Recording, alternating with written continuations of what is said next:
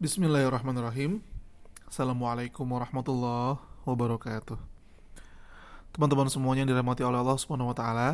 Alhamdulillah pada akhirnya di akhir pekan ini kita bisa sharing lagi dan diskusi lagi atas berkat rahmat Allah dan juga atas kasih sayangnya atas kesempatan yang Allah berikan kita masih bisa saling dengar mendengarkan saling memberikan inspirasi dan menerimanya Mudah-mudahan ini menjadi itikat baik kita dan jadi bentuk cara kita untuk menambah ilmu kita. Walaupun saya sebenarnya bukan siapa-siapa. Saya hanya orang yang suka bercerita dan pada kali ini entah kenapa dalam beberapa hari ini beberapa nama terngiang dalam kepala saya untuk diceritakan. Beberapa hari ini teman-teman semuanya ada satu nama yang terngiang di kepala saya. Nama itu adalah nama seorang ilmuwan muslim yang juga seorang pemimpin pembebasan sebuah pulau yang fenomenal di Eropa. Ilmuwan ini pemimpin. Pemimpin ini ilmuwan. Namanya Asad bin Furad. Namun entah mengapa ya, uh, ketika beberapa hari ini saya terkenang dan terngiang dengan nama Asad bin Furat ini yang beliau tuh hidup kisaran di abad 9 jadi setelah uh, Bani Umayyah runtuh dan Bani Abbasiyah lahir ada beberapa negara yang berdiri secara independen di Afrika Utara. Namanya negara Aghlabiyah. Dan di situlah uh, Asad bin Furat ini lahir dan kemudian menjadi seorang tokoh yang dikenang oleh bangsanya dan juga oleh umat ini. Namun uh, barangkali di antara kita banyak yang belum tahu siapa itu Asad bin Furat. Sebelum masuk ke Asad bin Furat, entah mengapa barangkali ini qadarullah masya fa'ala uh, bangsa kita berduka dengan perginya eyang kita, eyang Barudin Yusuf Habibi. Tokoh yang benar-benar ngebuat masa muda saya jadi warna-warni karena selepas nonton Habibie Ainun dan Rudy Habibi saya jadi makin uh, terang ter apa ya terinspirasi untuk melakukan hal-hal yang lebih untuk bermimpi lebih tinggi dan untuk bisa melakukan hal-hal yang besar. Masa muda sebagaimana dicontohkan oleh beliau benar-benar masa yang cocok banget untuk mengeksplorasi diri mengenal diri dan bisa menjadi yang terbaik dua pekan bahkan dua pekan saya meniru gaya bicara beliau yang di film yang diperankan sama Reza Rahardian selama saya jadi ketua OSIS di Pondok Pesantren Husnul Khotimah. Dua minggu itu saya benar-benar saya cinta sama Habibie dan terobsesi menjadi beliau. Pada akhirnya negeri ini mengenang seorang tokoh, seorang pemimpin yang juga seorang ilmuwan seorang ilmuwan yang juga seorang pemimpin. Jarang, susah banget buat nyari pemimpin yang punya kedalaman ilmu dan susah juga nyari ilmuwan yang punya kemampuan untuk memimpin. Dan semua itu dimiliki oleh Eyang Habibi. Kita doakan mudah-mudahan Allah ampuni dosanya dan di surga sana beliau bertemu dengan Ibunda Ainun dan dalam kuasa Allah, dalam kasih sayang Allah, Allah bahagiakan keduanya dan juga Allah bahagiakan uh, orang-orang yang ditinggal olehnya, termasuk kita, bangsa Indonesia.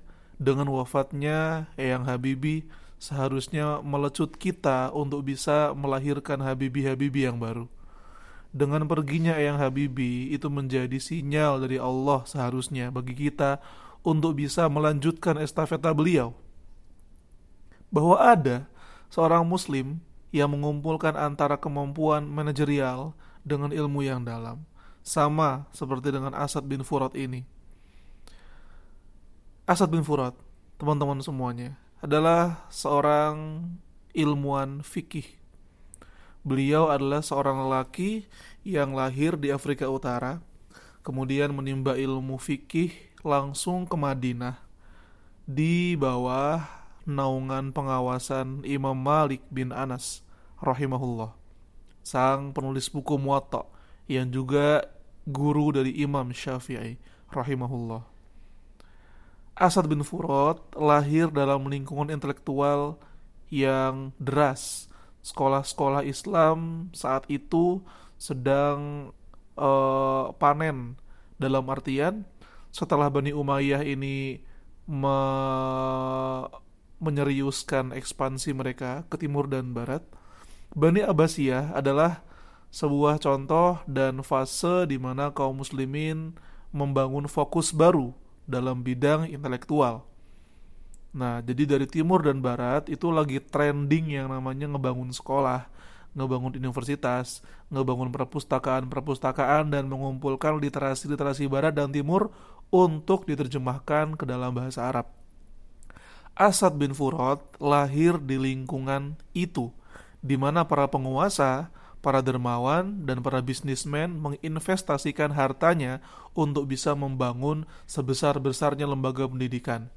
Maka eh, gengsi saat itu bukan dalam gengsi militer, bukan dalam gengsi eh, ekspansi.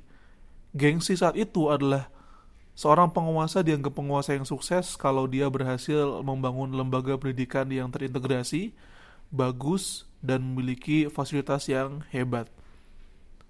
Nah, kala itu, teman-teman semuanya, sekitar tahun 827 Masehi, saat itu Romawi Timur masih memimpin beberapa pulau-pulau penting di Laut Tengah.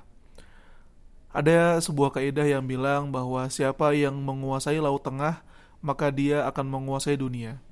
Kalau kamu lihat, barangkali buat menemani kamu dan menjelaskan lebih jelas lagi, buka di Google, buka di browsing, kemudian kamu cari Laut Tengah atau Laut Mediterania.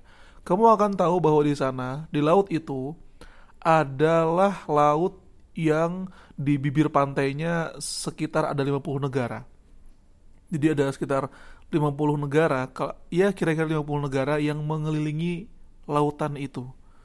Dari Afrika Selatan, kemudian ke Syam, dari Syam ke Turki, dari Turki menuju ke Yunani, dari Yunani ke Balkan, dari Balkan ke Italia, dari Italia ke Perancis, dari Perancis ke Spanyol. Negara-negara Eropa, negara Arab, dan negara Afrika punya bibir pantai yang mengarah langsung ke Laut Tengah. Maka tidak ayal Jikalau ada yang mengatakan siapa yang punya Laut Tengah, dia akan punya dunia. Kekaisaran Romawi Timur membuktikannya. Mereka menamakan laut itu sebagai Mare Nostrum, laut kami, karena mereka sepanjang sejarah menguasai dunia dan tanda mereka menguasai dunia disimbolkan dengan hadirnya angkatan laut mereka di seluruh lapisan Laut Tengah. Dalam masa pemerintahan Muawiyah, sebelum ada dinasti Bani Umayyah teman-teman semuanya, beliau adalah khalifah pertama yang sangat serius untuk membuka pulau-pulau penting di Laut Tengah. Sehingga uh, makin ke depannya nanti uh, Romawi kehilangan eksistensinya di Laut Tengah. Termasuk di tahun dan di masa ketika Asad bin Furat lahir, besar dan menjadi seorang alim ulama. Beliau memiliki gelar Qadhi al-Qudat kodinya para kodi. Beliau sebagai hakimnya para hakim, beliau sebagai ulamanya para ulama yang sangat masyhur di Afrika Utara. Namun walaupun demikian, ada sebuah ancaman di utara negeri yang dijadikan tempat hunian Asad bin Furat. Bizantium masih menguasai pulau-pulau penting di antaranya pulau yang sangat dekat dengan Italia, bernama Pulau Sisilia. Pulau Sisilia, teman-teman semuanya, ada kira-kira kalau misalkan kita ukur secara uh, sederhana, dia benar-benar ada di tengah-tengah Laut Tengah. Sehingga Bizantium ini menaruh prajuritnya dan membangun benteng yang kokoh di pulau itu. Muawiyah bin Abu Sufyan saja kesulitan untuk menjebol benteng di pulau Sisilia yang jaraknya dengan Italia hanya 3 km saja. Nah, Muawiyah aja sulit nih. Jaraknya, oh bukan 3 km, 10 km dari Italia. Nah, membuat Romawi ngejadiin benteng itu sangat kuat. 300 tahun lamanya pulau itu dikuasai oleh Romawi. Namun yang ada hanyalah ternyata di dalam pulau itu pejabat-pejabat Bizantium malah banyak yang korupsi, kemudian para bisnismennya pada curang, kemudian orang-orang yang hidup di dalamnya rakyat jelatanya miskin. Nah, kemudian karena faktor seperti itu teman-teman semuanya, eh, kaum muslimin akhirnya punya alasan yang kuat untuk membebaskan pulau Sisilia. Karena rakyat Sisilia cenderung ingin dipimpin oleh kaum muslimin. Dan benar, Semangat jihad itu menular ke seluruh Afrika Utara, namun mereka bingung kaum muslimin siapa yang paling cocok untuk memimpin pasukan yang akan membebaskan uh, Pulau Sisilia dari kekuasaan rezim Bizantium. Akhirnya para pemimpin dan para pembesar di negeri Aghlabiyah ini setuju untuk mengangkat Asad bin Furat, seorang ulama seorang fakih yang benar-benar paham sedetail-detailnya tentang uh, fatwa-fatwa fikih Imam Malik sebagai panglima pembebasan Pulau Sisilia. Saat itu tahun 827 Masehi dan berangkatlah 10.000 mujahid dari Afrika Utara yang dipimpin langsung oleh Asad bin Furat. Dan tahukah teman-teman, saat itu usia beliau sudah mencapai 70 tahun ulama ini ngerti banget ilmu-ilmu syar'i, makanya beliau ini khutbah-khutbah perangnya lebih cenderung kayak khutbah di depan anak-anak sekolah. Namun ini jadi apa namanya satu rahasia yang akan saya sampaikan di akhir. Khutbah-khutbah beliau pada pasukannya ini khutbah kayak kepada mahasiswa sama anak sekolah. Ketika mereka ingin membebaskan Sicilia, namun ternyata memang cocok dengan Sisilia karena Sisilia di masa depannya setelah dibebaskan oleh Asen Volat akan menjadi sebuah tempat yang mahal harganya. Nah, di sini teman-teman perlu tahu. Kita perlu tahu pembebasan yang dilakukan oleh kaum muslimin dan penjajahan yang dilakukan oleh orang-orang selain muslimin. Begini teman-teman, kaum muslimin itu datang ke sebuah negeri untuk menyebarkan ilmu dan menegakkan keadilan. Berbeda dengan selain kaum muslimin. Biasanya datang untuk memeras kekayaan penduduknya atau ya untuk membantai siapa saja sehingga me menaklukkan tempat itu dan digabungkan dengan wilayah mereka. Seperti ini dilantunkan dan difirmankan Allah dalam Al-Qur'an, "Innal muluka idza dakhalu qaryatan afsaduha wa ja'alu a'izzata ahliha adillah. Sungguh para raja-raja ketika mereka masuk ke sebuah desa, sebuah wilayah, afsaduha, mereka akan menghancurkannya. Wa ja'alu a'izzata ahliha adillah. Dan mereka akan menjadikan uh, orang-orang uh, yang ada di dalamnya menjadi orang-orang yang terhina. Nah, namun tidak terjadi ketika kaum muslimin yang melakukan pembebasan. Asad bin Furat sangat ingin membuka dakwah Islam di Sisilia dan jauh di lubuk hatinya memang ada semangat yang berkobar-kobar memang karena beliau ingin mengamalkan ayat Al-Quran yang sangat menginspirasi beliau. Ayat ini dalam terjemahnya berbunyi seperti ini. Janganlah kamu lemah dan janganlah meminta damai padahal kamu lebih tinggi dan Allah beserta kamu dan dia sekali-kali tidak akan mengurangi pahala amal-amalmu. Itu surat Muhammad ayat 35. Nah, teman-teman semuanya, salah satu khutbah Asad bin Furat yang terkenal, beliau berkata seperti ini. Berjuanglah dan lelahkan tubuh kalian untuk mencari ilmu. Unik ya. Beliau memang karena panglima perang, cuma beliau adalah backgroundnya karena backgroundnya intelektual, jadinya khutbahnya kayak gitu. Berjuanglah dan nelahkan tubuh kalian untuk mencari ilmu. Berbanyaklah belajar dan bersabarlah dalam jalan mencari pengetahuan. Sebab dengan cari ilmu itu, kalian akan mendapatkan kemuliaan di dunia dan di akhirat. Aneh kan? Jujur, saya baca pertama ini pun ngerasa unik. Kok bisa gitu loh. Uh, tapi ternyata rahasianya luar biasa. Di masa-masa setelah pulau Sisilia dibebaskan oleh kaum muslimin, uh, kalau misalkan diukur dari bebasnya lagi, uh, sampai ditaklukkan lagi oleh Eropa itu sekitar tiga abad lamanya. Jadi ini patut kita catat. Ada pulau bernama Sisilia di dekat Italia yang pernah kita bebaskan dan kita pimpin selama 300 tahun lamanya. Seorang dokter bernama Abdul Jalil Shibli. Beliau bilang kayak gini. Sangat mencolok bedanya ketika Romawi yang memimpin Sisilia dan ketika kaum muslimin yang memimpinnya. Orang-orang Normandia, itu orang nenek moyang orang Inggris, takjub dengan pencapaian kaum muslimin ketika mereka datang ke sana.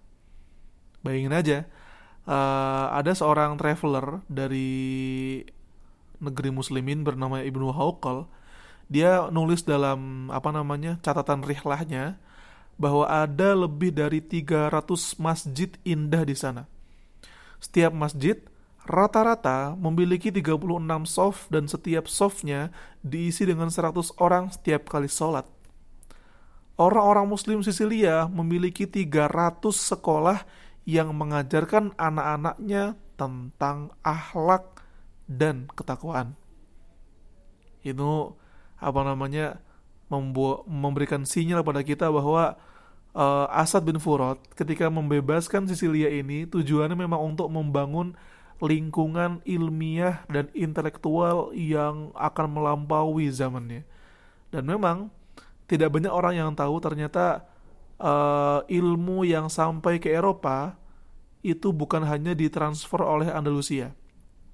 Ternyata ada the another Andalusia. Ada Andalusia yang lain, namun tidak terjamah oleh kita dan seakan-akan hilang Andalusia yang lain itu adalah pulau Sisilia yang selama 300 tahun memimpin peradaban ilmu di sana. Dari satu masjid aja teman-teman semuanya di Sisilia, Ibnu Hauqal ini melihat 10 masjid lagi. Jadi saking banyaknya masjid yang berfungsi sebagai sekolah dan juga pusat keilmuan. Banyaknya masjid ini ternyata setelah di, ditulis oleh beliau karena orang-orang ingin berlomba membangun masjid setiap klan di sana, klan keluarga besar, ingin menjadi abadi namanya dalam sejarah dengan cara membangun masjid sama kayak di awal saya sampaikan tadi. Namun ya qadarullah masya fa'ala ada sebuah kaidah berkata uh, asyai idza tamma bada'a kus sesuatu jikalau sudah sempurna maka dia akan berkurang. Kayak kamu uh, naik gunung setelah di puncak pasti akan turun.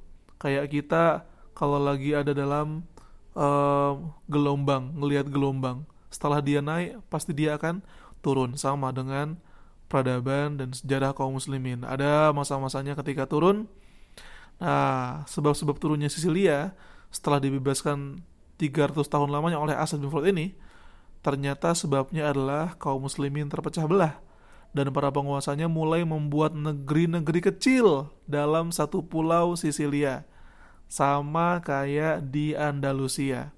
Faktor-faktornya musuhnya banyak di mana-mana, tapi kaum musliminnya lebih memilih untuk berpecah belah. Ah, kenapa coba? Kenapa mereka memilih berpecah belah dan, dan membangun negeri-negeri yang kecil? Salah satu hikmahnya ternyata adalah karena setiap kota ini memiliki kekayaan yang tidak ada bandingannya.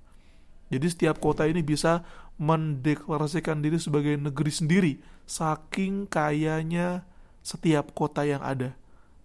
Ngeri nggak? Oh, ini mantap sekali. Cuma sayang karena gara-gara faktor kekayaan ini jadi terpecah belah.